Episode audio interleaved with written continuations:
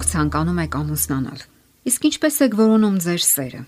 Շատերն այն կարծիքին են, որ իսկական միայն իրենց համար նախատեսված սերը գտնելը նույնն է, ինչ վիճակահանությամբ խոշոր գումար շահելը։ Ընդ որում, այդպես ասողները հաճախ նմանվում են այն մարդկանց, ովքեր ցանկանում են շահել վիճակահանությամբ, սակայն երբեք էլ վիճակախաղի տոմս չեն գնում։ Սա նշանակում է, որ եթե շահելու համար հարկավոր է տոմս գնել, ապա իսկական սերը գտնելու համար էլ հարկավոր է որոնումներ կատարել եւ ընդ որում միանգամայն սթափ եւ առողջ ուղեղով։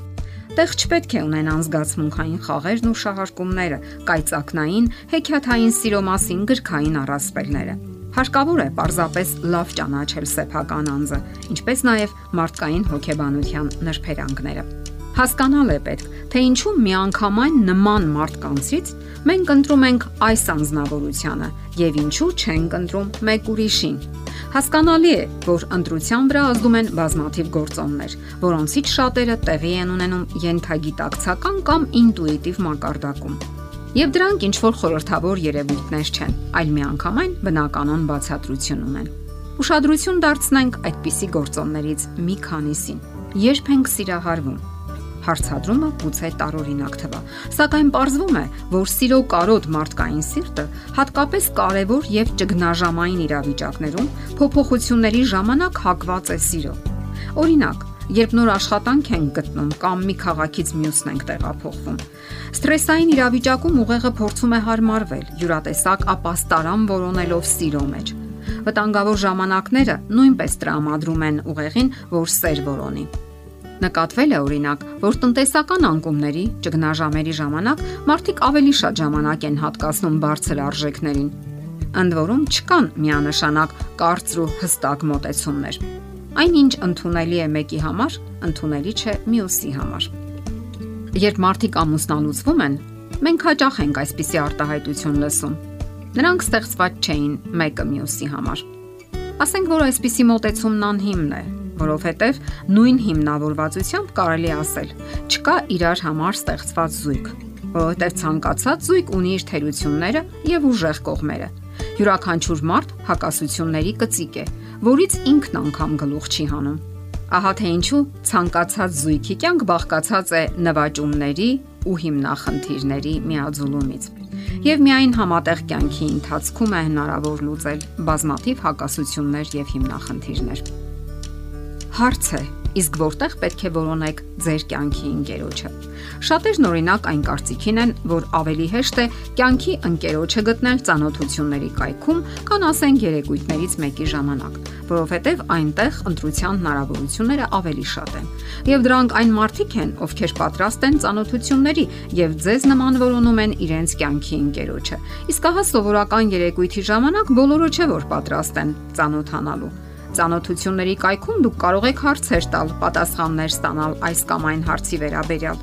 Եթե չհաշվենք խափեությունները կամ այլ անհաջող ընտրությունների հնարավորությունները, ապա հնարավոր է գտնել համապատասխան անznավորության, ով անկեղծորեն հարմար է ձեզ։ Ընդ որում, այստեղ մեծ դեր է խաղում յենթագիտակցությունը։ Այնինչ չի անում երկարատև վերլուծությունը, հաճախանում է հենց յենթագիտակցությունը։ Նկատենք նաև, որ ծանոթության կայքերում սովորաբար ձգտում են շեշտադրել ուժեղ կողմերը եւ ծածկել թերությունները։ Ճաղատներն օրինակ նկարվում են գլխարկով, իսկ ģեր անznավորությունները այնպես են նկատվում, որ մարմնի թերությունները չեն երևում։ Սակայն ասենք, որ այսպիսի մոտեցումը միանգամայն սխալ է։ Դա խափեության նուրբ տեսակ է։ Մասնագետներն ասում են, որ արժե ցույց տալ այն, ինչ տարբերում է ձեզ մյուսներից։ Այսպես թե այնպես դուք չեք կարող դուրս գալ բոլորին եւ դրա կարիքը նույնպես չկա էլ։ Թող որոշ մարդիկ էլ ոչ գրավիչ համարեն ձեզ։ Իսկ ահա նրանք, ովքեր սկզբունքորեն կհավանեն ձեզ, այսպես թե այնպես ուշադրություն կդարձնեն ձեզ վրա։ Ցանցերում մյուսներից առանձնանալու համար հարկավոր է լինել հենց այն, ինչ կաք իրականում։ Իսկ ինչպես պետք է նվաճել դիմացինին։ Աշխարհի չափին է այն կանոնը, ըստ որի հարաբերություններում տղամարդը որսորդ է, իսկ կինը որս։ Սակայն այսօր անհամամասնություն է նկատվում կանանց եւ տղամարդկանց միջև։ Տղամարդիկ սովորաբար ավելի քիչ են, քան կանայք, եւ սա ստեղծում է որոշակի լարվածություն եւ մրցակցություն։ Ահա թե ինչու արժե որոշակի նախաձեռնություն դրսևորել։ Դա չի նշանակում լինել ագրեսիվ կամ ոչ կանացի։ Դա ընդհանրապես նշանակում է չմտնել բարդ խաղերի մեջ եւ այնպիսի հարաբերություններ հաստատել կամ կանոններ սահմանել, որ հակառակ կողմը պարզապես խոճապի մատնվի եւ արագ փախչի։ Հարկավոր է նաև լինել նախաձեռնող, սակայն սա չի նշանակում, որ ի թիվս շատ այլ նախաձեռնությունների ուսումնական թե հասարակական դուք նաև այդ ոլորտում պետք է երանդում վարվեք։ Հարկավոր է նաև նախաձեռնող լինել։ Սա նշանակում է, որ ի թիվս շատ այլ նախաձեռնությունների, ուսումնական թե հասարակական, դուք նաև այս ոլորտում պետք է երանդում լինեք։ Նստել եւ սպասել, որ կյանքի ընկերը մի պահի կհայտնվի ձեր կողքին, անիմաստ է եւ ոչ հեռանկարային։ Դրան կարող են օգնել երիտասարդական հավաքները, արշավները, ճամբարները, դասընթացները եւ նաեւ բնական ծանոթությունները։ Եվ վերջապես, մի մոռացեք եւս մի կարևոր պահ։ Եթե նույնիսկ չգտնեք կյանքի ընկերոջը, ապա դեռ աշխարի վերջը չէ։ Պատահում է նաեւ այդպես։ Դա կյանքի բազմազան տարբերակներից մեկն է, ինչի հետ շատերը համաձայն են եւ ընդ որում բոլորովին էլ դժգոհ չեն։ Եթերում ճանապար երկուսով հաղորդաշարներ։ Ձեզ հետ է Գեղեցիկ Մարտիրոսյանը։